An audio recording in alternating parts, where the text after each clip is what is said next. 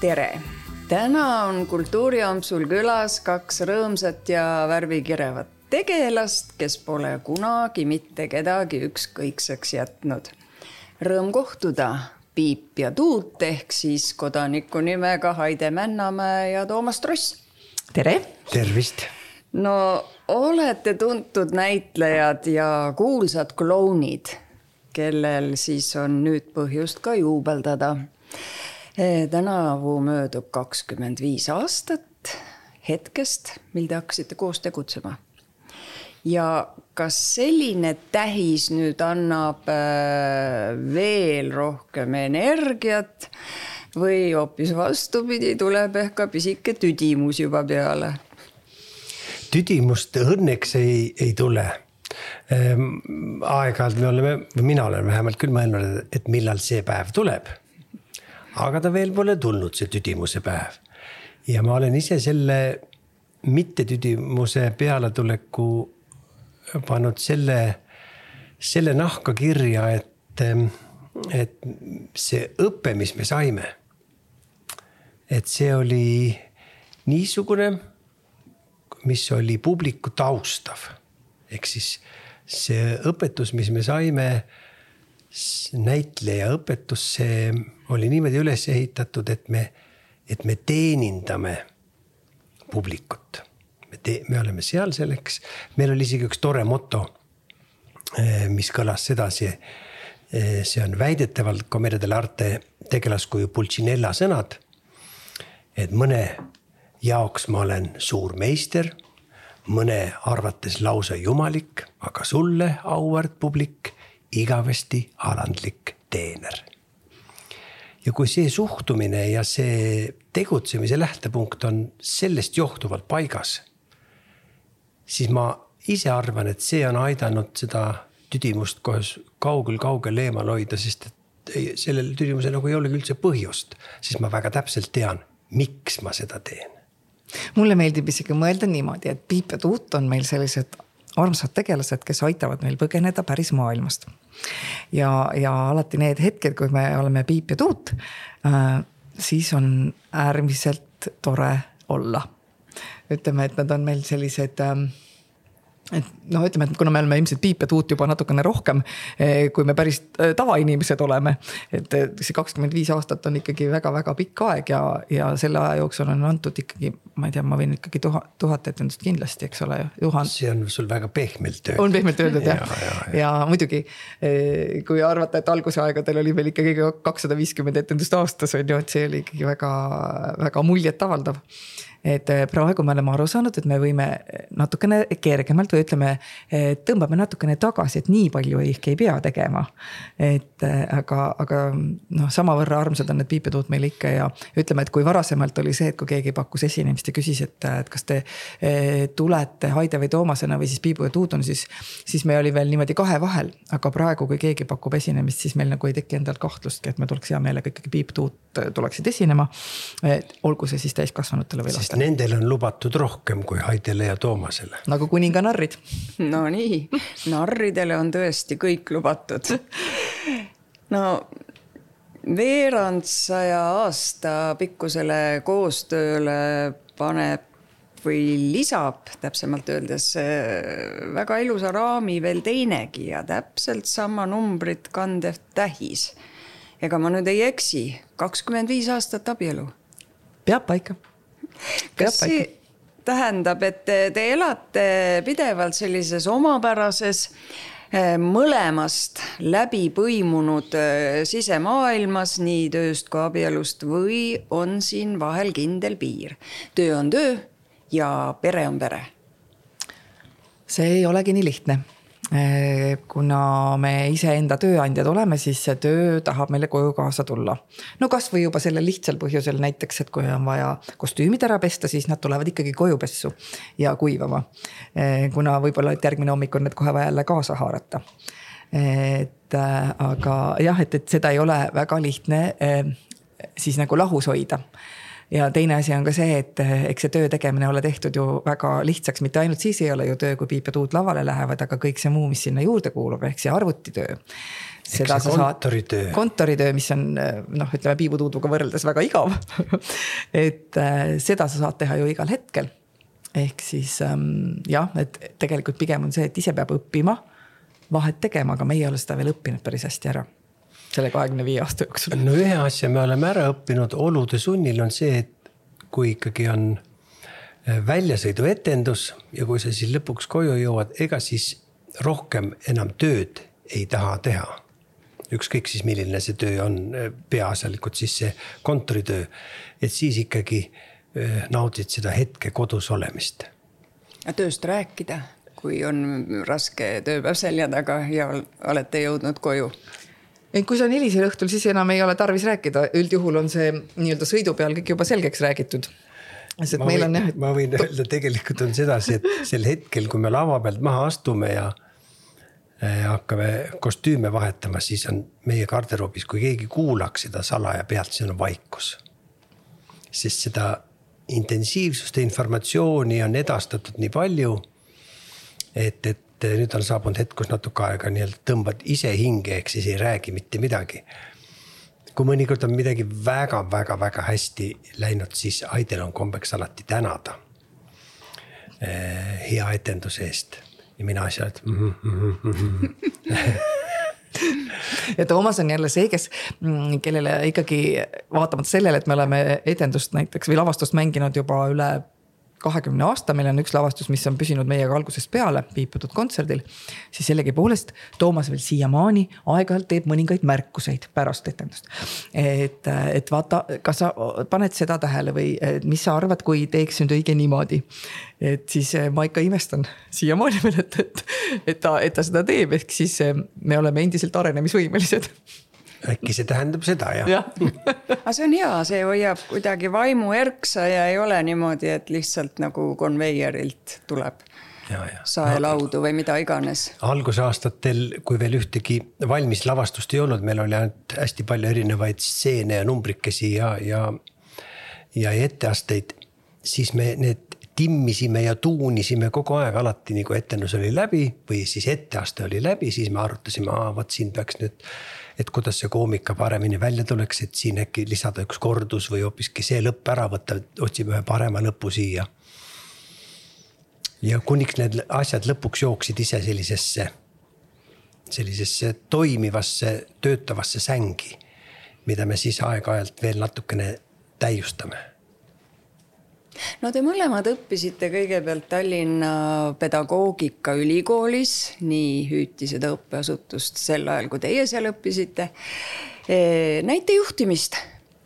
ja seejärel Kopenhaageni teatrikoolis, see Commedia School, õppisite te näitlejaks ja täiendkoolitusi lisandus ajapikku teil loomulikult veelgi ka jälle sealsamas Taanimaal ja, ja ka Londonis. Ehm, aga mis oli ikkagi see, mis, mis sundis lisaks näitleja ametile ka klounina end teostama, ka selle ameti poole vaatama? juhus, tegelikult juhus see Taani kool oli ju selline kool, kus kogu siis äh, oli praktiline näitlejaõpe, mis toimus läbi teatristiilide ja üks nendest stiilidest. diplomi peal on meil isegi kirjas näitleja treening. jah, no ta oli ka treening, tegelikult oli hästi füüsiline. Äh, ja, ja lihtsalt üks osa sellest õppest oli klounaad, nii et nagu õppisime siis näitlejaks saamist, olemist läbi klounaadi. ehk see oli üks osa sellest õppest, mis siis lõppes klounieetendusega ja, ja nii need klounid sinna esimese aasta lõppu meil jäidki, me olime kaks aastat seal tea, teatrikoolis ja see oli esimese aasta, äh, siis e-, esimese kooliaasta lõpp oli klounaad. ja, ja noh, nii nad seal olid need klounid ja jäid ja järgmine aasta me neid enam ju nagu ei puudutanudki, aga siis olime, jõudsime Eestisse tagasi. ja Toomase koolivend äh, kutsus tütre sünnipäevale ütles, et kuulge, mm, tahaks, et nad seal niisama lihtsalt on, et tulge ja tehke midagi. aga see oli ka sellepärast, ta oskas ja arvas kutsuda sest meil oli juba käima läinud selleks ajaks eh, TV1-s Kilpkonn Kipsi lastekas. kus me tegime kaasa ja mis ja sai, kaasa tegite te siis kellena? mina olin kilpkonn kipsina ja, ja, ja. mina, mina olin äh, siis, kuidas see oli, telelainetes ujuv kala. eetrikala. eetri, eetrikala, eetrilainetes ujuv kala, vot just jah. et olime peategelased jälle. jah, no kelle ümber kõik see keerles. Ehk kindlasti on Piibus tutvus ka mingi annus siit seda, seda väikest äh, loo jutustamise viisi ja, ja seda väikest äh, omavahelist kokkumängu, mis seal kipsil ja kalal oli et kindlasti seal on midagi selles olemas selles algses, algsetes piibus. ehk siis alguses ta ta ütleski, et äkki te saate tulla selle kipsi ja kalana, aga no kala oli ju. käpiknukk. käpiknukk, et nagu väga keeruline on tulla seltskonda käpiknukuga eh, laste juurde, no mis ülesandeid see käpiknukk ja siis jagab? oli nii suure maskiga, et ta hea, kui ta suutis selles stuudios, kus mul olid siis asetus pähe õpitud, et ma millegi otsa ei komistaks ja ei jookseks, sest ma eriti sealt hästi ei näinud selle maski tagant. et, et see oli mul kogu see stuudio oli pähe õpitud, et ma teadsin, kuidas ma liigun seal, et sellega ma välja, väljaspoole stuudiot küll ei julgenud minna. ja siis me mõtlesime, aga me võime võtta need kooliaegsed. kooliaegsed klounid. Kloonikostüümid ja me tulime nendega siis ja see oligi esimene e-, ette. ja oligi tehtud. ja oligi tehtud jah, jah, ja kuidagi ta sealt hakkas niimoodi rulluma et keegi kutsus siis järgmisele sünnipäevale ja siis juba avasime Selvereid ja, ja, ja siis äh, sõitsime hästi-hästi palju mööda Eestit ringi, hakati kutsuma esinema siis väiksematesse kohtadesse, koolidesse, äh, lasteaedadesse ja just nimelt nagu. suvefestivalidele, laatadele. laatadele jah, et nii, et me olime sellised äh, noh, ülipalju, ta läks nagu sellise lumepallina kohe käima, et. et me nagu ise ei jõudnud siin mõelda suurt midagi, võtsime ka tööd vastu kogu aeg ja, ja siis jõudsime selleni ka, et oma teatrimaja avada. Äh, mis oli noh, tegelikult oli väga tore mõte või ajend tuli sellest, et, et ei jaksa nii palju ringi sõita, et võib-olla on hea, kui meil oleks niisugune oma kodu, kuhu inimesed saavad meid vaatama tulla, et, et võib-olla noh, et siis me oleksime ka nagu ise kodus rohkem, oma laste juures rohkem, kui meil on see äh, teater siin Tallinnas olemas. jah, see on väga tähtis äh, tärmin tegelikult. aastal kaks tuhat kümme sündis Piip ja Tuut teater. just ja kuidas see teatrisünd siis välja nägi, no esimese hooga tundub äh, mulle siinkohal, et see ikka väga keeruline protsess või läks tõesti nii nagu lepase reega? no ei läinud, ei läinud lepase reega, sest et me ikka siiamaani on mõelnud, et kui oleks olnud ärimees noh, kui oleks olnud ärimees või ärimehe teadmised, siis ilmselt ei oleks seda kunagi sündinudki.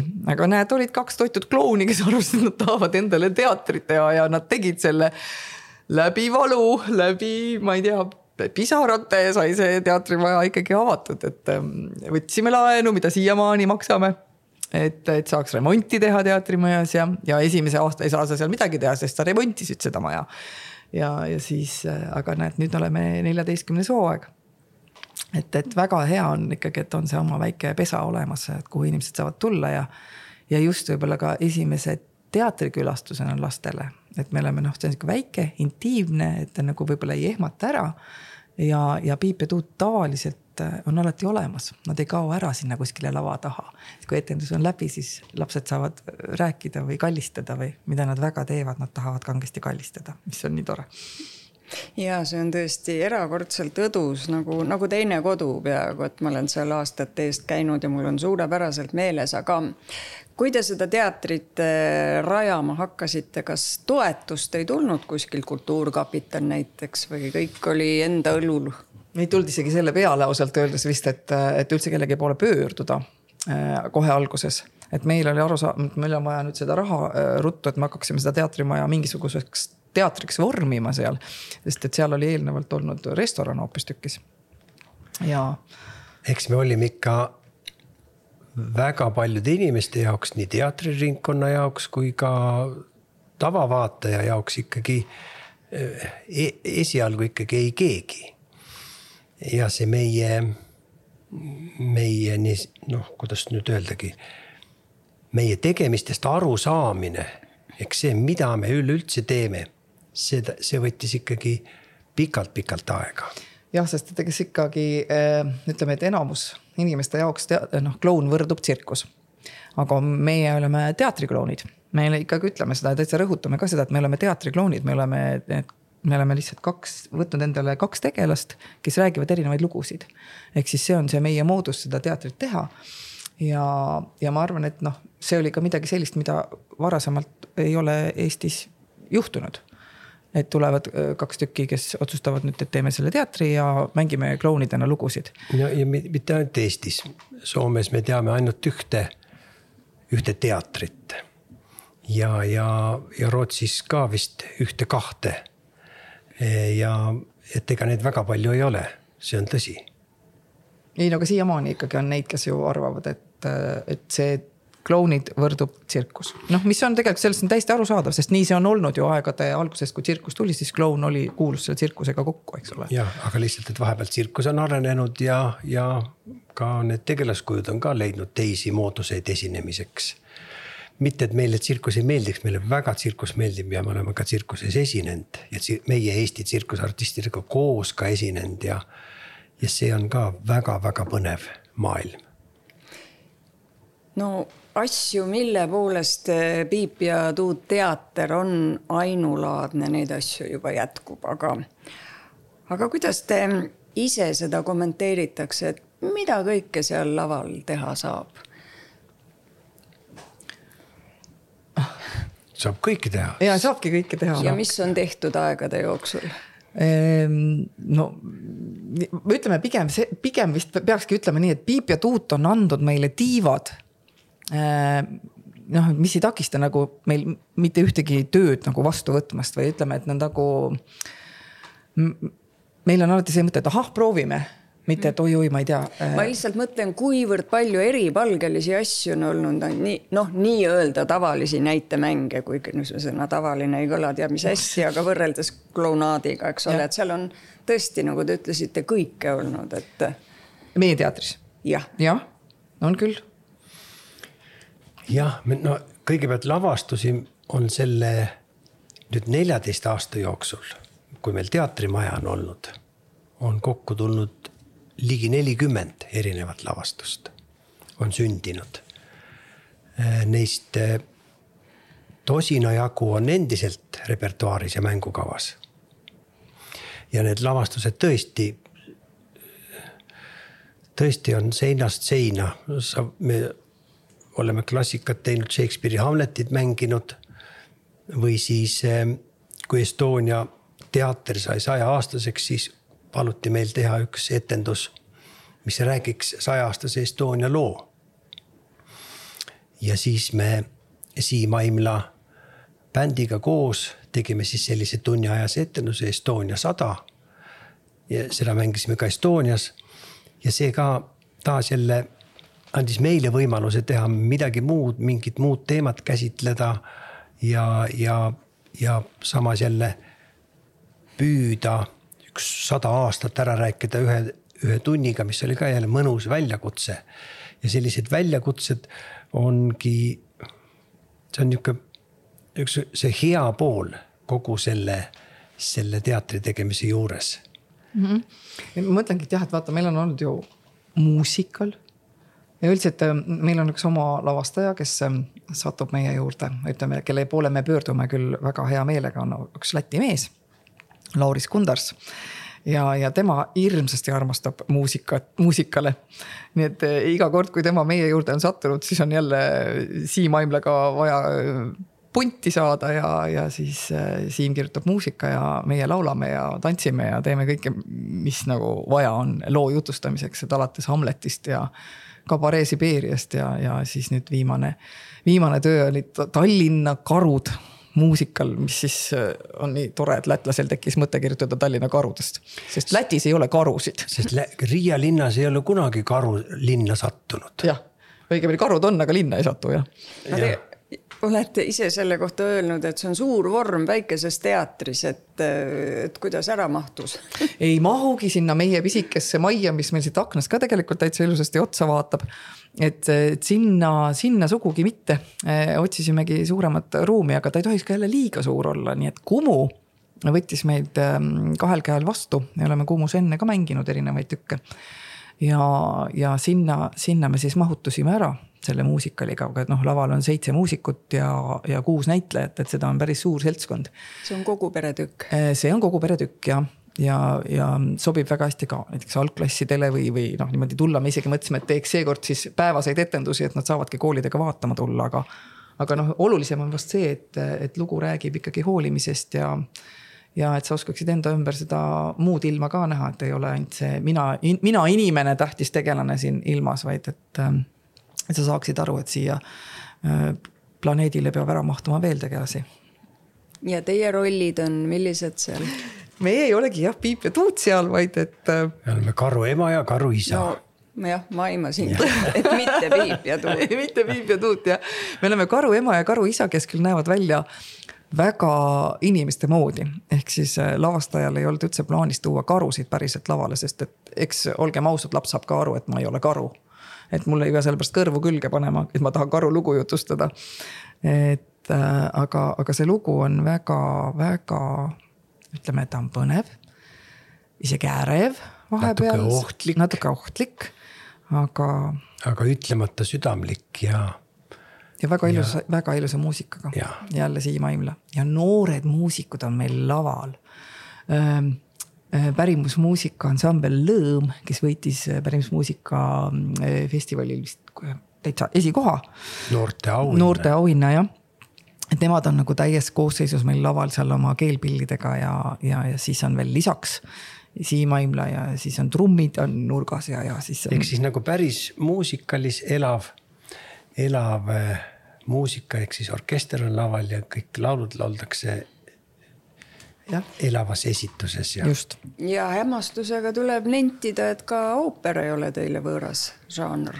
ei ole jaa. mida rääkida Hansukesest ja Gretekesest praegu Hansuke ja Greteke on kah, detsembris jõuab jah äh, siis rahva ette, kus siis äh, neljakümne viie minutiga on vaja ära rääkida üks ooper. no nüüd ta läheb meil törtsu võib-olla pikemaks jah, aga me ei ole ka seal üksi. olete siis, eh, kes te olete jutustajad? jutustajad. Oleme... Piibu ja Tuuduna või? Piibu ja Tuuduna ja. ja Piip ja Tuut ooperis on see ikkagi, seal on Antsuke, Greteke ja Piip ja Tuut on need tegelased, kes üritavadki siis seda lugu nagu jutustada. aga. ja meil on abiks ka veel kaks äh, lauljat. ooperilauljat. Maris Liloson ja Tuuri Tede. ja ja nemad siis saavad ka endale mitu rolli esitada ja meie saame. aga siis... nemad mängivad Hantsukest ja Gretekest siis? ja nemad mängivad Hantsukest ja Gretekest ja korraks peab Tuuri mängima ka nõida, nõida.. jah. ja, ja meie peame siis mängima nii isa, ema kui ka vahepealseid tegelasi ja natuke metsa ja no aga ja. meie oleme ikkagi Piip ja Tuut selles mõttes, et ja. me olemegi Piip ja Tuut, kes siis sellel hetkel, et ah oh,, ma olen ise see isa või hea küll, ma olen siis ema, kui sa sellega hakkama ei saa ja. ja, ja siis äh,, aga me, no kõige tähtsam on see, et me saame selle loo räägitud. ja need ilusad laulud äh, saavad kõik kõlada. muide, kas äh, Piip ja Tuut üldse ei laula ise? laulavad. laulavad? Laulavad küll. suurepärane, tänapäeval ju vaat, et iga näitleja peab oskama laulda ja tantsida. absoluutselt, absoluutselt on, tuleb kasuks äh, nii laul. kunstikoolis absoluutne nõue. jah, ma arvan küll, et et ja oskavadki, tegelikult oskavad ja, ja harjutades saab meistriks. ütleme, et mulle väga meeldib laulda no,, aga Aide Toomas laulab, laulab väga nagu, hästi tegelikult. Aide laulab nagu kulda, aga mul on hõbekõri nii on, aga see... meil jäi veel mainimata ära, et tegelikult äh, lisaks, äh, et, et see on nüüd ooper, mis tuleb esitamisele siis äh, klaverimuusika saatel. ja meiega koos on, on laval veel pianist Siim Selis aga seda me ka ei mängi mitte enda väikeses ei äh, mahu jah. meil oli vaja väga-väga suurt lava, nii et kõik äh, kontserdilavad Vanemuises äh,, Jõhvis, Pärnus ja Tallinnas Estonias, sinna mahub see lavastus ära. jah, sest et lavale tuleb väga suures koguses. metsa. harjasid ja metsa jah, et, et no kuna tegevus toimub ju metsas no kuivõrd nüüd äh, sootuks äh, erinevas võtmes toimetavad tegelased, no ma mõtlen nii klouni ja klounaadi, kuivõrd jälle ma ütlen seda sõnapaari tavalist näitlejat, kuivõrd nad rikastavad teineteist. näitleja klouni, kloun näitlejat või äkki vahel segavad või kas, kas see mingisugust sellist tunnet ei teki, et issand jumal, nüüd on kõik segamini et.... ei ole, seda tunnet ei ole jah, selles mõttes, et ma päris ennast sinna nagu ära ei kaota, aga, aga meie õpetaja Taani koolis ütles, et, et hea kloun on üldjuhul hea näitleja, aga hea näitleja ei pruugi alati olla hea kloun. et et ma arvan, see peab päris hästi paika. me mis, vähemalt usume teda. me väga ja usume teda jah, tahame uskuda ja, ja minu meelest on see, see mitmekihilisus, mida annab äh, Piip ja Tuut, vaata, ega me seda näitlejat ei saa sealt kuidagi ära kaotada, et tegelikult olen mina Haide Männamäe, kes on näitleja kes mängib piipu, kes omakorda mängib laval siis kedagi, mingit tegelast, keda ta tahab siis sellel hetkel mängida või et loo jutustamiseks on vaja, ehk siis see kihilisus on seal nii suur, et, et ma võin tulla sealt ühest kihist vahepeal hüpata teise kihti või, või noh, kasutada neid võimalusi lihtsalt laval enda kasuks siin vahel sellist äh, peaaegu et matemaatilist täpsust ei ole vaja, et, et, et muidu äkki kogemata läheb lappama, et oot-oot-oot, ma muutusin nüüd praegu piibuks või mis see on? Seda võib juhtuda küll, et aeg-ajalt ma isegi ütlen, vahest hakkan ütlema nagu tahan rääkida Tuuduga ja ütlen talle piip näiteks ja siis ma püüan selle kuidagi lennult nagu ringi pöörata, et ma mõtlen, et piip tahtis seda ütelda praegu või kuidagi püüan välja ujuda. aga noh, päris, päris sassi need väga harva, on ja. läinud, aga väga harva. ja kui lähevad, siis on oluline ausaks jääda, sest ka publik näeb seda. et praegu ilmselt oli mingi apsakas, mida ei pidanud olema, aga, aga kõige rohkem nad hindavad seda, kui näitleja tunnistab oma viga ja, ja siis noh, et me, ei saa teha nägu, et seda ei juhtunud. me ise oleme ka arutanud, et, et, et mis see, mis selle piibutuudu fenomen on, et, et miks needsamad tegelased nad ju, nad ju teevad kõiki asju tegelikult ühtemoodi. Äh, mängivad ükskõik mis lugu, aga samas võtmes alati selles piibutuudu võtmes. et, et mis see on, et, et endiselt on inimesed nõus seda vaatama. ja ega me muud ei ole välja mõelnud, kui see siirus, mida need tegelased laval nagu edastavad. ehk kui nad räägivad lugu, nad räägivad otse seda alati vaatajale ja kui midagi läheb viltu siis nad ja mida näeb ka vaataja. mõnikord me isegi mängime sisse, et läheks viltu. mõnikord juhtub päriselt, et ei, ei, ei lähe nii, nagu oli planeeritud, siis me alati jääme seal ausaks. näiteks meil oli, oli täna üks esinemine õpetajatele ja me tahtsime me tahtsime, et selle meie esinemise lõpus nad saaksid ka teada seda, et meil on see uhke muusikal Tallinna Karud. sealsamas Kumu saalis, kus me just esinesime. ja siis me, ja siis me palusime tehnikul mängida ette üks kahekümne sekundiline videoklipp, mis siis tutvustab seda. mis ei olnud tegelikult üleüldse meie esinemise eesmärk. aga me arvasime, et me peaksime me, reklaamima. jah, vot just see sõna mm. -hmm. just see sõna, sest reklaamina ta välja paistis. ja kui me olime selle ära lasknud, me saime aru et see siiski paistis reklaamina välja. ja meil ei jäänudki muud üle, kui ütelda jah sellele olukorrale, mida me tundsime. et nüüd see niimoodi mõjub.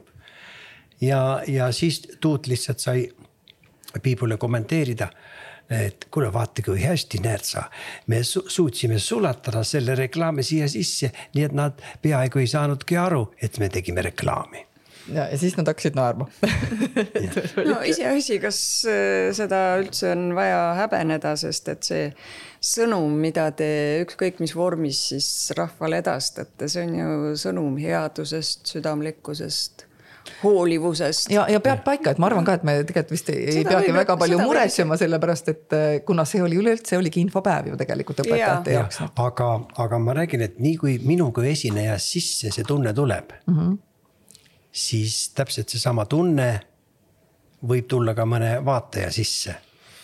ja tegelikult see on minu mängumaa, et ma saan seda ära kasutada.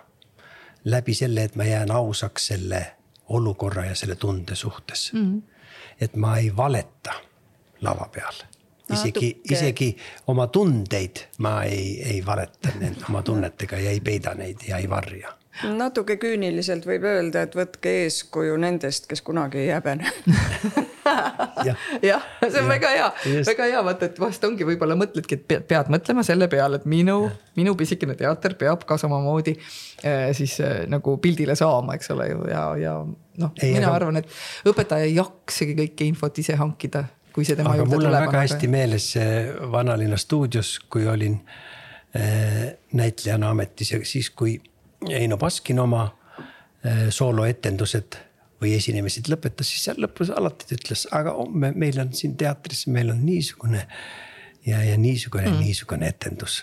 ja ma alguses mõtlesin, oot-oot, aga ta teeb ju selle reklaami, siis ma sain aru, aga muidugi. inimesel on siin, nad said praegu su suure naudingu osaliseks ja nüüd kutsutakse neid uuele naudingule mm..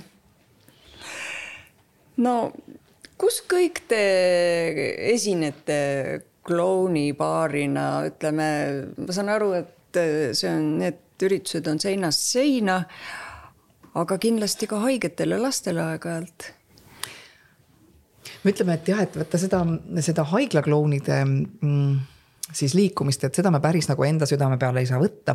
et äh, me oleme küll südamega väga kaasas sellega, aga. ja olime aga... ja olime kaasas siis, kui seda.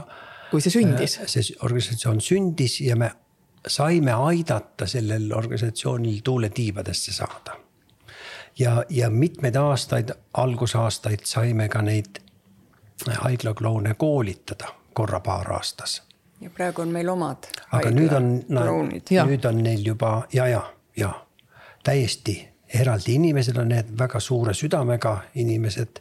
doktor klounid. jah, doktor klounid, kes saavad oma põhitöö kõrvalt leiavad selle hetke et saavad käia rõõmustamas väikseid ja ka suuri patsiente haiglates. ütleme, et alguses, päris alguse ajal oli meil paar korda esinemist ka haiglas ja noh, ta oli siis sellisel moel tehtud, et need lapsed, kes said tulla sinna ühte ruumi kokku, et nende, nendele siis tehti, aga see oli rohkem nagu siis arstide ja õdede, õdedele näitamiseks, et, et, et selline, ütleme siis selline liikumine on väga-väga vajalik et, et on väga palju lapsi, kes väga pikalt on sunnitud haiglaseinte vahel olema, et, et neil oleks see päike päevas. siis kui doktor klounid alustasid, siis ähm, see liikumine oli täiesti tundmatu meie siis haiglasüsteemis mm -hmm. ja, ja ka äh, arstide poolt oli ka selline väikene äh, niisugune nagu vastuhoiak mitte tugev, aga, aga siiski oli, et, et, et mik, miks veel on kedagi vaja siia vahele segama, me teeme ju oma tööd siin ega nad nüüd siin ja, ja. laske selleks, meil oma tööd teha. ja laske meil oma tööd teha, ärge segage siin, räägiti, räägiti veel midagi valesti mm. -hmm. aga seal on muidugi väga täpsed reeglid ja, ja Lääne-Euroopas ja Ameerikas, kus see liikumine alguse sai Need on aastakümnete jooksul välja töötatud reeglid, kuidas doktor kloun saab käituda ja mida ta võib rääkida ja mida ta ei või ja mida ta võib teha, mida ta ei või seal haiglas teha. E, just nimelt patsiendiga. et, et lõpuks, kui need reeglid kõik ühtlustati ja, ja, ja ka arstid said sellest aru ja siis, siis, siis nüüd ongi see tulemus seal maal, et, et see töötab väga-väga hästi ka meil siin Eestis ja, ja doktor klounid on väga oodatud no küll aga oleme esinenud palju puuetega lastele ja isegi hooldekodudes ja, ja noh, et seda ikka tuleb ette, et kutsutakse ja meil on väga hea meelega lähme ka, et. nii et äh, lisaks teatrile käia veel esinemas, et võib-olla neid äh, kordi ei ole äkki nii palju, kui oli enne teatrit või jõuate kõike ei, ei saa öelda, et see oleks nagu raugenud, see ringi sõitmine. et no, vahepeal on... küll koroona ajal jah, siis ta rauges, aga, aga nüüd on ta kuidagi jällegi taastunud.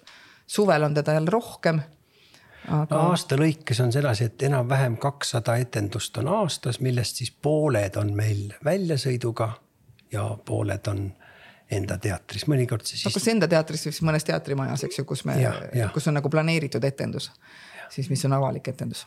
kas on ka selliseid kohti, kus äh, klounil mitte mingil juhul ei sobi esineda või ei ole selliseid kohti üldse olemas? me ei ole veel matustel käinud.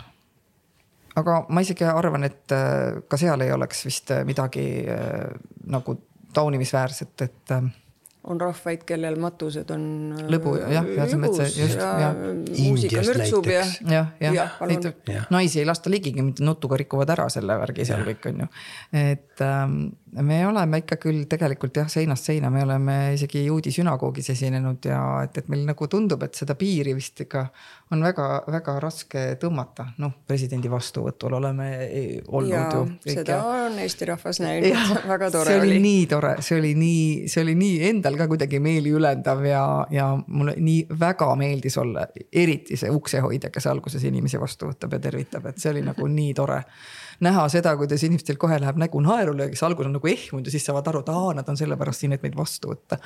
ja, ja siis, kui keegi ukse pealt hüüdis, ometi keegi minusugune, et ta oli nagu ilmselt tuli ja tal oli sihuke pinge peal, et mhm. presidendi vastuvõtule ja siis ta sai aru, et, et see on äh, tore koht, kuhu tulla, et. Et hea, kui me saime pinge maha võtta, see oligi nagu idee. kas tuleb ette juhtumeid, kus lapsed kardavad kloune ja, ja kui jah, siis et kuidas te sel puhul reageerite, käitute? no esimene on see, et me ikkagi ise tõmbame siis tagasi, et me saame aru, et, et sellele lapsele ei maksagi läheneda nii väga, et pigem, pigem teeme näo, et me nagu teda ei märka praegu või mängime kuidagi mööda temast ja noh, on ikkagi tulnud ka ette nii, et see laps noh, lihtsalt nutab ja ta ei taha enam olla selles ruumis, siis me siis, kui ema ise selle peale ei tule, siis me ikkagi palume emal võtta laps kaasa ja minna kuskile e-, eemale natuke rahunema ja rääkida omavahel. aga ühe korra on olnud ka selline olukord, kus ma, äh, kuna see laps nagu pelgas, siis ma püüdsin talle selgitada, et vaata, siin on mul üks nöör. Ja kui ma selle nööri nüüd ära võtan selle ninaga, siin all on tegelikult täitsa tavaline inimene ehk siis ma tõin talle selle klouni, tahtsin talle lähemale tuua nagu, et ta saaks aru, et ma olen teinud need täpid ise siia ja et ma olen selle suu endale ise joonistanud ja. et ma olen loonud selle tegelase, et see ei ole, ma ei ole nagu, nagu lapsed ütlevad, sa ei ole päris kloun et, et vahest mõtledki, et mis see päris siis on, et, et lastel on nagu päris ja mängu, et aga, aga et me oleme siis vahest kohe küsimegi, et kas te olete, või küsitakse, vahest täiskasvanud inimesed küsivad kohe, et kas te oletegi need Piip ja Tuut, siis me küsime, et kas on mõned teised veel kuskil või et, et nad on ikkagi üllatunud, kui me nagu päriselt kohale ilmume kuhugi. aga tihtipeale on, on need jah, sellised väikesed lapsed, poolteist, kaks. no nad ongi liiga väikesed. kes äkki. on ka üleüldse teatri jaoks ja.. me ise alati oleme öelnud, et kolmeselt alates mm. -hmm tulge, aga loomulikult, kui on peres rohkem lapsi ja see mõni on väiksem Isikene. kui kolmene, siis ikkagi võetakse kaasa. ja, ja, ja väga paljud lapsed on äh, ka kahesena nõus vaatama meie etendusi. noh, laps on nii erinev, eks ole, igaüks tunneb, mõni ei suuda viieselt veel paigal püsida, et aru saada, et teater on see koht, kus peab olema tasakesi, aga ma arvan, et väga väikese jaoks on ka kogu see olukord võib-olla natuke hirmutav, et seal on järsku palju rahvast ruumis koos ja ja nagu siis kustutatakse tuled ära ja noh, mingid sellised äh, asjad, mis võivad hirmutada. kui meid kutsutakse lasteaedadesse esinema, siis me oleme aru saanud äh, ühe väikeseni sellise nõksu, et, et äh, tihtipeale pannakse sõimed esimesse ritta. no kõige väiksemad ettepoole ja suured see, tahapoole, no see on mingi loogiline. sellepärast, et nad ju ei näe ju pikemate tagant. aga siis, mis juhtub, juhtub see, et need vanemad ehk siis need no, kolmesed ja, ja neli-viis-kuus, mhm. need naeravad nii valjuhäälselt. ja siis need väikesed sõimekad jäävad selles naerupahvaka hästi valju häälse naerupahvaka ja meie vahele. ja siis neil tekib hirm, nad pole sellises olukorras varem olnud. kui keegi Aga nii, nii valjult äh, naerab ja, ja siis me oleme aru saanud, et me edaspidi, me oleme alati palunud õpetajatel lasteaias, et nad on nendega külje peal. küll ees, aga külje peal. ja siis see pahvakas ei tule nendele väikestele lastele selga, selga ega kuklasse ja nad ei pea seda selja tagant kartma ja meid eestpoolt kartma nii et ei ole, see on terve teadus, ma ütleksin, ei ole nii, et eh, nii, me tulime kohale, pange lapsed istuma Oi. ja läheb lahti. ma arvan, et me võib-olla olemegi, ma ei tea, kui palju seda teised teevad, aga meil on üldjuhul alati, me läheme koha peale eh, siis me vaatame, kuidas on pinkide asetus. Eh, võimalusel alati palume pingi, tähendab vaibad pinkidega asendada, kui on sellepärast, et ja, või et paljud, mõned ütlevad, oi, ja meil on kotttoole ja meil on patju ja, aga ma küsin, kas teil toolid ja pingid ka on? oi, muidugi on. ma ütlesin, et aga tegelikult, kui sa nüüd mõtled, et sa pead istuma nelikümmend viis minutit äh, nagu kotttooli peal või siis vaiba peal põrandal. viie minuti pärast sa oled seal. sa oled juba nagu otsid seda asendit, et sul oleks mõnus olla, et, et, et ma ütlesin ka, et ega sa teatrisse ei taha ju minna vaiba peale istuma. et ja siis nad hakkavad, ahah, ahah, et ja siis me ütleme alati, et aitame lastel keskenduda et see, kui ta istub ja ta ei pea oma istumisega eraldi tegelema, kui tal on tool olemas. et siis tal on palju lihtsam jälgida, mis toimub laval, et me ikkagi jah, ja siis me asetame, alati püüame toole sättida niimoodi, kas siis poolkaarde või kuidagi, et me oleme alati läheme, hakkame ruumi ümber tõstma või noh, looma seda olukorda, mis oleks nagu vaatajale mõnus. noh, ja meile ka. ehk siis kõik vaataja heaks ikka. arusaadav, aga see hirm klounide suhtes, et see on äkki ka Ameerikast pärit, et selline kuvand on loodud, seal on. ja see on puhas. kloun Jokker ja. jah, filmide süü. filmid ja, ja see on ja. filmide süü jah, sellepärast et neid nii-öelda õud-, õudusmaskiga kloune, noh, neid täitsa õudusfilme on ju tehtud, kus on mm -hmm. nagu kloun on peategelane, kes ma ei tea, käib ja tapab, on ju. ja siis, siis noh, tänapäeval lapsed ju pääsevad juba igale poole ligi ja, ja ega see ega see nägu ju tore välja ei näe, see, see maski, maskitatud äh, kloun. Äh, ja see ja ma ütlengi, et, et eks see Ameerika klounid ongi natuke teistsugused näod välja, see on hästi-hästi-hästi värvitud näoga. et äh, Piip ja Tuut oma algusaegadel joonistasid endale ka natukene rohkem nägu, meil olid põsed ja, ja kulmud olid valged ja. aga meil on ka väga, ma segan nüüd vahele, meil on ikkagi väga mitmeid Ameerika teatrikloune ja koomikuid, kes, kes kes ei ole üldse, ei näe nii, eh, nii jubedad välja, ei ole täis joonistatud äh,, joonistatud, vaid on just rõhku pannud sellele lavastusele, sellele koomilisele stseenile ja nendele trikkidele, kui et sellele, kuidas ta välja näeb. jah, ega vaata öeldakse ka, et ega nina ei tee klouni. oleme teinekord isegi unustanud seda ette panna. et on paaril korral juhtunud nii, et lähed lavale ära ja siis saad aru, et oota, midagi on puudu ühel hetkel ja siis nagu, aga kuna publik sellest välja ei tee, siis saad aru, et järelikult, et see tegelane on olemas, vaatamata sellele, et ta punast nina ei ole ees. sest al-, jah, sest algusaastatel oli küll sedasi, et me, et me isegi kaalusime, et ninast loobuda. et, et, et võib-olla, et, et võib-olla niimoodi on inimestel lihtsam meid mõista. aga millegipärast me jäime ikkagi sellele ninale truuks arvates, et see on meie niisugune pisikene maskikene, mis ta tegelikult ka on mis aitab meid sellest tava, tavaolukorrast, argipäevast, lubab meil välja astuda, et kui me selle maski ette paneme, siis me oleme nagu klõpsti teisel pool seda ust ja ühes teises maailmas. aga millised eeldused peavad üldse olema, et saada heaks koomikuks, et saada heaks klouniks? sulle peab meeldima nali. ja sa pead armastama publikut sa pead teda kohe nagu nii väga armastama, et sa tahad neile rääkida neid häid lugusid, mis sul on, sa tahad nendega jagada seda, seda ruumi ja. ja sulle meeldib neid üllatada. sest et sa ei saa teha seda nalja, sa ei saa rääkida seda anekdooti, sa ei saa teha seda trikki, mis sulle endale ei meeldi. see on jälle midagi, mis ma äh, õppisin Vanalinna stuudio Seina Baskinilt. Et, et kui sa seda nalja räägid, siis see peab sind, sulle endale tunduma naljakas ja koomiline. ja kui sina näed teda koomilisena, siis sa suudad selle sedasi ka peegeldada. ja, ja ega, ega vist ikkagi koomiku põhiülesanne, ma arvan, on, on see, kui ta läheb lavale, ega ta ei saa sinna minna nagu nalja tegema vaid ta peab selles situatsioonis nii ausaks jääma, mille ta on loonud, mis on noh, situatsioonid on naljakad, eks ole, noh, lood võivad ka naljakad olla, mida räägitakse. aga, aga siiski see ei saa minna eesmärgiga, et ma hakkan nüüd nalja tegema, vaid et ma teen selle. pead laskma naljal juhtuda. sündida, just.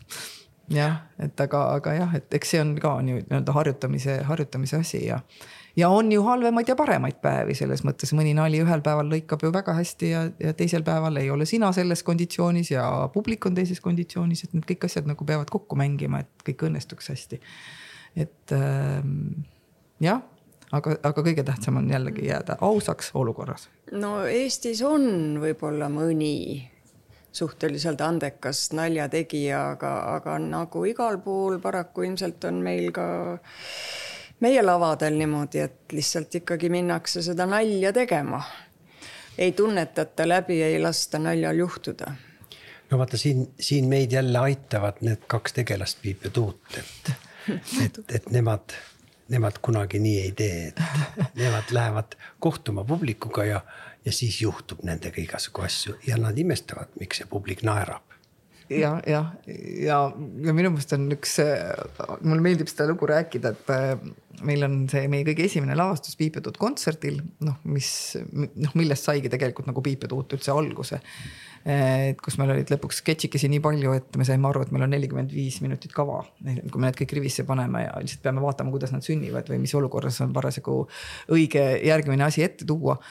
Mm, ja, ja me olime täpselt ei mäletagi, mis sündmus oli, aga oli üks, üks poiss, kellele ema tuli pärast järgi ja küsis, noh, et kuidas oli. ja see poiss ütles, kas sa tead, emme, need Piip ja Tuut ei teadnud üldse, mis nad teevad ja kui pärast kahtekümmend aastat sama lavastuse mängimist jääb mulje, et nad ei tea, mis nad teevad, siis ma arvan, et on päris õigesti, eks ole ju. et siis on jääb mulje, et kõik sündis praegu ja koha peal, et tegelikult on meil see ju ikkagi juba üsna paika loksunud, et lihtsalt me oleme avatud uutele asjadele, kui midagi saalist sünnib ja see ongi põhiline, mis Piibu Tuudu puhul on, et. et me, meil neid lavastusi, kus me nagu otseselt publik, noh, kus publik on nii-öelda neljanda seinaga, meil on neid vist mingisugune üks üks või, või paar tükki. ja mul ei tule ka meelde, milline jah, et me ikkagi ja. oleme väga-väga avatud äh, sellele, mis saalist tuleb. Teist on valmimas täispikk dokumentaalfilm ja kas ma saan õigesti aru, et see on siis teie kahekümne viienda aastapäeva puhul? eks sellel hetkel, kui seda tegema hakati, ega osanud veel keegi arvata, mille puhul ta tegelikult äh, on, aga, aga, aga see oli viis aastat tagasi, kui hakati filmima kaua Nii. tehtud kaunikene. no, et äh, jah. see võttemeeskond on meiega kaasas käinud väga erinevatel sündmustel, ka välisreisidel Hiinas ja, ja, ja. Saksamaal. ja Taanis ja, ja, ja, ja ka meie lapsed on sellesse nüüd kaasa haaratud ja ka nende. Nende elu, kasvamine. elu ja kasvamine meie kõrval on on jäänud sinna filmi peale. et ähm, ega me täpselt ei teagi, mis sellest välja tuleb. aga me ei saagi teada, sest meie ei ole selle filmi tegijad. no ma eeldan, et see film on teist. film on ja, meist. Piibu ja Tuuduna. Piibu ja Tuuduna ja Haide ja Toomasena ja, ja Heilika Pikkov ja Liina Särginen on režissöörid ja, ja produtsent on Ülo Pikkov ja ja eks seda seltskonda on seal veel, et aga nüüd ma sain aru, et lõpuks on nii, et nad enam juurde ei filmi äh,. aga vaatavad nüüd seda tohutut materjali läbi ja järgmisel aastal peaks tulema siis äh, see film välja mm.. me ootame ise ka huviga, et vaatame, mis sest saab, jah. aga ühe asja üle meil on hea meel, et, et mingisugune lõik meie tegevusest ehk siis Piibutudu tegevusest on nagu dokumenteeritud siis selle filmi abil see on ajalugu. jah, üks väike, üks väike lõiguke kahe, sest et eh, olgem ausad, mille pärast mul veel selle üle on väga hea meel. kui me teatrimaja Toompeal avasime, siis oli mul hetk, kus ma hakkasin uurima, oot, aga kes siis, kes siis enne meid on olnud, kes nad olid ja siis Teatrimuusika Muuseumi arhiivist ma leidsin siis fotosid, mõningaid käsikirjalisi ülestähendusi. Äh, sain teada, et oli Kaljo Kroll, kes on tsirkuse perest pärit, oli Harald Saarens. Ähm, nemad olid need kaks viimast sellist klouni. aga ennem neid olid kunagi esimese Eesti Vabariigi ajal olid Max ja Lex. eks õigemini siis Lex ja Max, kes oli klounipaar, väga tuntud ja, ja palju esinev tol ajal Eestis. ja, ja siis ma saan aru, et näed, nad on ikkagi olemas olnud, aga nende kohta ma ei leia vähimatki äh, pildi või tähendab siis nagu liikuva pildi materjali. ja siis ma lõpuks jõudsin ka Rolli ja Arrini, kes siis olid Eesti koomikud väljaspool Nõukogude Eestit, kes jäid pärast seda lääne poole peale, kellel oli kõige suurem lend kes on ka Moulin Rouge'is ja Londoni Palladiumis ja sellistel maailma tipplavadel esinenud.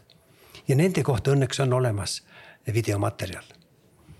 ja siis ma mõtlesingi, et noh, vähemalt hea, et on, hea, et see väikene dokumentaal tehakse, et siis on midagi meistki järel. samas ma tean, olgem ausad, kui me alustasime kakskümmend viis aastat tagasi sünnipäevadel esinemisega, siis nii mõnigi issi võttis oma VHS kaamera välja ja salvestas seda, seda oma lapse sünnipäeva. nii et me oleme kindlasti väga paljude perede koduvideode peal.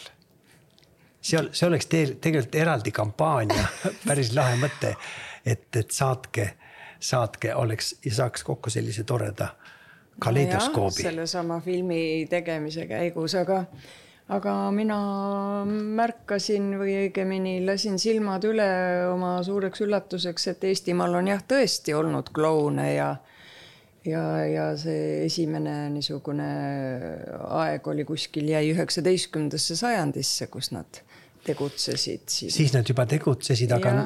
nad käisid peaasjalikult mööda siis suurlinnasid, peaasjalikult ja. Peterburi ja, ja Tallinna vahet ja teie olete ka siin selles väärikas nimekirjas loomulikult. mis nimekiri see on siis selline?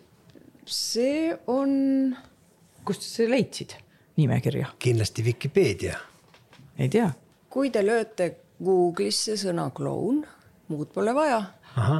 vot siis annab teile Vat ka see, muuhulgas kõigepealt selgitab kes on kloun ja muuhulgas annab ette vot sellise nimekirja. väga-väga põnev. paberi teile kinkida ehm, siin oli juttu teie ringreisidest. Euroopas, Aasias, Ameerikas, eks ole, vastab tõele. kui mõistetavad on piip ja tuut olnud mujal maailmas? no nagu me ise ütleme, üle ilma tuntud või tähendab, kuidas öelda. maailmakuulsad. maailmakuulsad klounid tuntud ainult Eestis. et ähm, tegelikult on väga hästi mõistetavad, et selles mõttes, et äh, tundub, et oleme äh, loonud sellise teatrivormi või mida on väga lihtne aru saada, ükskõik mis keeles vaatajatel, et, et keel ei ole takistuseks olnud et pigem on see, et Toomas on nii tubli, et alati, kui me kuskile võõrriiki läksime, siis, ähm, siis Toomas õppis need vähesed sõnad, mida oli tarvis, siis selle riigi, seitse sõna selle riigi keeles siis selgeks nii et, äh, et nii palju, kui me kasutasime, noh, aitäh ja, ja, ja palun see ehk nii, niikuinii tere ja taega. aga, aga siis lisaks siis neid, mis oli etenduse käigus vaja kasutada, et siis need õppis selgeks mõnes keeles oli lihtsam, teises keeles jällegi märgatavalt raskem. noh, prantsuse keel vist oligi kõige raskem. prantsuse keel. jah, jah, seal oli ikkagi need, kes meid õpetasid, ütlesid, et tead, parem on, kui sa ei ütle, sest nad ei saa aru kui sa seda, kui sa seda, seda sõna ütled, et siis nad küll aru ei saa, mida sa ütled. aga, aga nad kõik saavad ühtemoodi aru. ja, ja kui me Eestis arvasime, et, et, et väikesed vaatajad tulevad meid pärast etendust kallistama lihtsalt sellepärast, et noh, nad on neid näinud meid varem ja niisugune taaskohtumised, nihuke tunne on. aga kui Hiinas või Koreas tullakse ka pärast etendust kallistama. ja Indias. ja nad ei ole ju meid näinud. siis me saime aru, et siin on miskit ja ma arvan, see miski saab olla ainult see mingisugune kübeke inimlikkust ja sellega koos seda siirust mida me suudame peegeldada lava peal. ja võib-olla on ka see, et äh, lapsed, noh, meie ise tahame, meil noh, klounid samastuvad lastega üsna palju. Ehk siis nad tegelikult peaksid olema sellised siirad ja avatud ja, ja olukorras ausad, nii nagu on lapsed. laps, noh, selles mõttes, et lap, laps ei mõtle niimoodi, vaat nüüd nurga tagant hakkan midagi vastama. vaid et, äh, et see, et nad võib-olla nagu saavad meiega samastuda või et vaatavad, need täiskasvanud teevad nihukest asja ja ma saan sellest aru ma saan sellest aru, et mis ta tahab öelda. et ja, ja muidugi võib-olla ka see, et eh, kuna tullakse peredega, siis emmed-issid naeravad ka kogu südamest. ja ma arvan, laste jaoks on see väga tähtis, et nad näevad oma ema ja isa naermas kogu südamest. et äh, eks emmedele issidele meeldib ka, kui näha, kui nende lapsed naeravad. muidugi ja niisugust erineval ajal naermist on meil näiteks ühes lavastuses, mis on Piip ja tuut pimedase teki all. ja seal reaalselt. delikaatsed teemad on seal kasutusel, jah. seal reaalselt nad ikkagi naeravad erinevate kohtade peal täpselt nii palju, kui nad sellest materjalist aru saavad. Jah, et lapsed ühte ja lapsed suured ikka täitsa teist. ühtemoodi ja, ja, ja, ja vanemad teistmoodi aga räägime natuke sellest, et ähm, mis teid lisaks teatrile, lisaks teineteisele lisaks erinevate esinejate nägemisele. mis teid veel inspireerib, võtame märksõna loodus. loodus väga, loodus aitab kuidagi vahepeal jalad, kaks jalga jälle maa peal tagasi saada.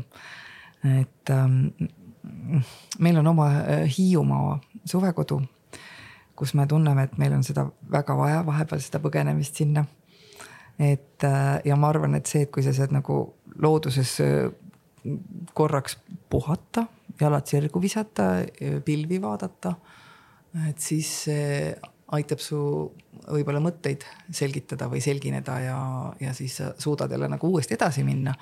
aga ütleme inspiratsiooni mõttes on see, et meil nagu ütleme siis inspiratsioonist ei ole kunagi puudu ja ideedest ei ole ka kunagi puudu, ütleme pigem on nagu sellest jõudlusest puudu, et kõike ära teha.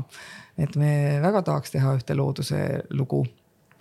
Äh, on isegi plaanis kus, kus, kus puud, kus puud räägivad oma lugusid ja, ja. kus me vahendame vaatajatele. Äh, taimeriiki või? puude, puude lugusid jah, mis on nagu meile nagu kuidagi tund-, tundub, et seal võiksid need lood sündida, eriti kui mõtelda, et on tegu botaanikaaiaga, kus on väga äh, võõramaiseid taimi, mis kasvavad nagu terve aasta, aasta läbi, eks. ja siis sealsamas klaasi tagant paistavad meie saareke ja, ja tammeke ja. ja, ja mõned... viskavad vahepeal oma lehed maha ja. Nemad seal. vaatavad rohelisi taimi läbi tal, akna. talv otsa on hoitud, kaitstud ja. külma ja lume eest ja näevad sealt läbi akna, kuidas, kuidas meie taimed jälle kevadel jälle uuesti üles ärkavad ja mm. -hmm. et see, see natuke andis meile inspiratsiooni ja, ja tegelikult ka botaanikaaiast Urve meie poole ka pöördus paaril korral, et mis te arvate, kui? Ja siis me ütlesime, noh muidugi me arvame meil on väga palju toredaid mõtteid ja väga palju toredaid ideid tuleb, tuleb väljastpoolt teatrit ka, et noh, mitte ainult me ise, vaid et keegi tuleb, ütleb, kuule, tead, ma mõtlesin, et ma tahaks teiega midagi teha. ja, ja siis aga me ikka kuulame alati ära. selle taimeriigi, taimeteatri jaoks ongi meil abiks ka Indrek Kohv, kes aitab selle materjali meie jaoks vormistada ja. nii et jah, iga loodame, et mõtted saavad teoks, ütleme aga, nii. aga, aga tegelikult see, mida mina väljastpoolt lava otsin ja ootan. või ja, mille järele ma janunen, on, on kirkad mõtted.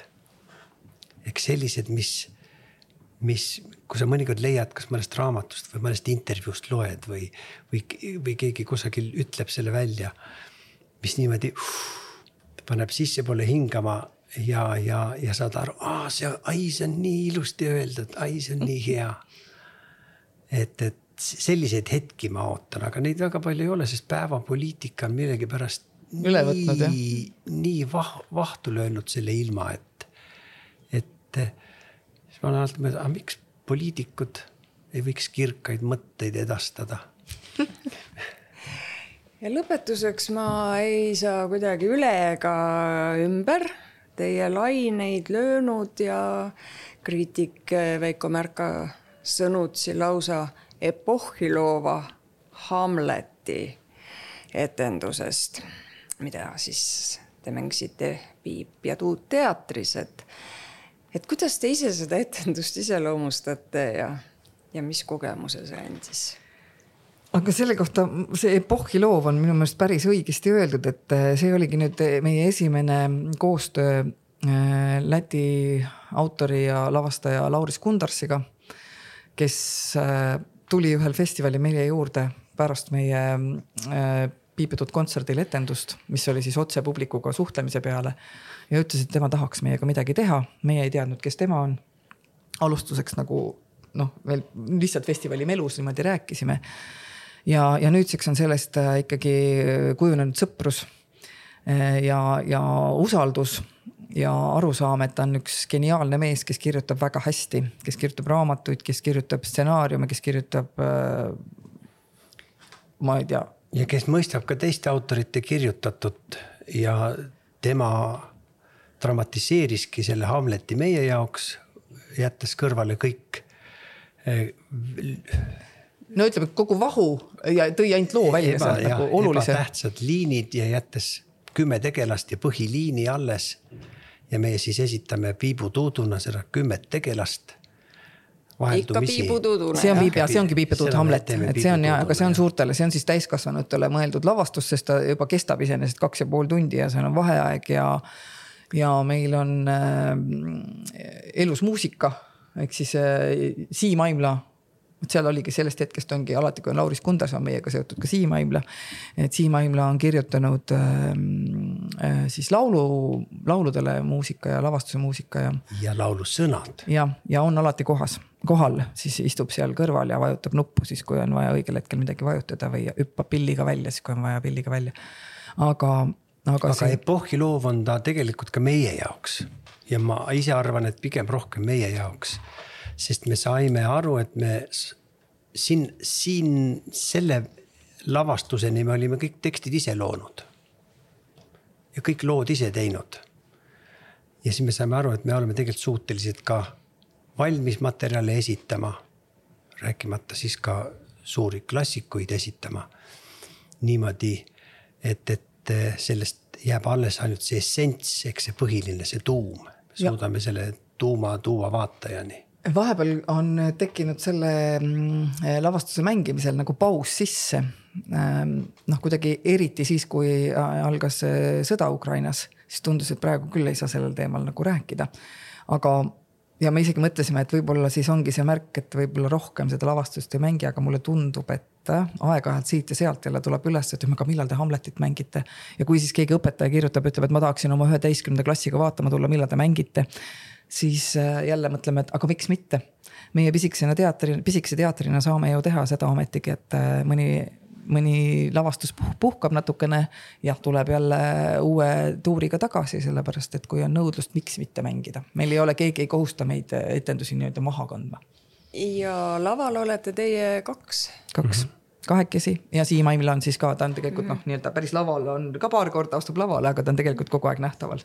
nii et äh, kolmekesi kõigi eest. kolmekesi yeah. kõigi eest kaks ja pool tundi täie rauaga, aga seal on ka ikkagi ah,, kui nüüd on äh, siis selle etenduse juurde ma pean rääkima ühe loo ähm,. kuna seal on meil pandud äh, vanusepiir kuusteist ja ülespoole, noh, tegelikult vanematega võid nooremana ka tulla, aga lihtsalt, et kui tuleb klassikollektiivid, et ei tuleks väga väikestega. ja, ja palju ikkagi on juhtunud ka seda, et noh, ah piip ja tuut etendusi üldse ei süvene, et on kell seitse õhtul ja tulevad pered. et on Hamlet. ja et on Hamlet ja tulevad niimoodi trallalla, trallalla, vaatan, tulevad ja terves peres ei ole vist ühtegi kooliealist last. et kaks pere tuleb korraga, suur hunnik on neid koos seal ja mina seisan ukse peal, ütlesin Te ikka teate, mida te vaatama tulete. väiksed lapsed. väga väikesed lapsed, ma räägin, et ühtegi kooliealist ja neid oli kokku viis last oli seal ja kaks pere tulid niimoodi, et lähme Piipu-Tuutu vaatama äh, ja, ja kui me neile siis rääkisime, et teate, mis meil on isegi see võimalus, et me teeme lihtsalt, et vahetame piletid mõne sobiliku lavastuse peale. lapsed üldse ei kurvastanud, oo jess, me saame üksteisele külla minna nüüd ja siis ta oli pere ühine olek ja nad ei tulnud seda etendust vaatama, sest ma arvan, et see oleks neil keeruline olnud. aga üks issi tuli viieaastase tüdrukuga ja juba eemalt sai aru, kui luges seda, noh, et tal tuli järsku, et oh!. ja, ja siis ta ütles, et tuli minu juurde ja ütles, et ärge palun saatke meid tagasi, sellest tuleb hirmus jama. ehk siis ilmselt lapse, lapse näol, kes oli oodanud seda piibutuudaga kohtumist, ma ütlesin, et hea küll, et. et eks sa siis enam-vähem katsu teda kurssi viia, et millest lugu räägib, et kõik saavad surma lõpuks ja noh, et sihukene on ju. ja, ja siis äh, on äh, lavastuses on hetk, kus äh, Hamlet Äh, haub kättemaksu oma isa vennale ütleb, et ah, nüüd on see hetk ja siinsamas ma torkan ta surnuks. no sihuke koht on Hamletis olemas. ja siis see tüdruk niimoodi vaatab seda, kuidas see tuut, kes mängib mingi tagurpidi haamer on tal käes, mille noh, mis ei, ta isegi ei kavatse sellega lüüa, vaid ta nagu noh selja tagant. ja siis see tüdruk järsku tõuseb püsti esimeses reas ja ütleb, et sina ei tohi tappa, sest sa oled hea kloun. ehk peatab etenduse publiku hulgast inimene peatab etenduse ja ütleb sa ei tohi tappa, sest sa oled hea kloun. kuidas etendus jätkus? see, see, see, see pauk, see tõepauk oli kõigile nii tervendav, sealhulgas ülejäänud publikule. eks see, see ongi see hetk, mille pärast tasub etendusi teha. eks, et toimub see avanemine. aga vastates ja, su küsimusele, me jätsime etenduse seisma sellel hetkel. noh, niimoodi täitsa niimoodi vaatasime sellele lapsele siis otsa. Ja siis selgitasime talle olukorda. ütlesime, et sul on tuline õigus, et igasugune vägivald on täiesti lubamatu. see siin on mäng. jah, et me mängime ja keegi ei saa äh, päriselt äh, surma, sest me lihtsalt tahame rääkida seda lugu, mis juhtus kunagi. aga et äh,, et me oleme sulle tänulikud, et sa seda märkasid, sest et ega ükski täiskasvanu ju ei märganud ja keegi ei ütle seda, et nii ei ole ilus teha. nii et see lapse ausus ja siirus oli sellel hetkel nagu nii õige, et see oli see elus teater, mille poole me pürgime no ma soovin teile ausaid ja siiraid ja särasilmseid lapsi ja täiskasvanuid edaspidigi suur-suur tänu. aitäh. Haide Vennamäe ja Toomas Tross Piip ja Tuut stuudiosse tulemast. tulge teatrisse. aitäh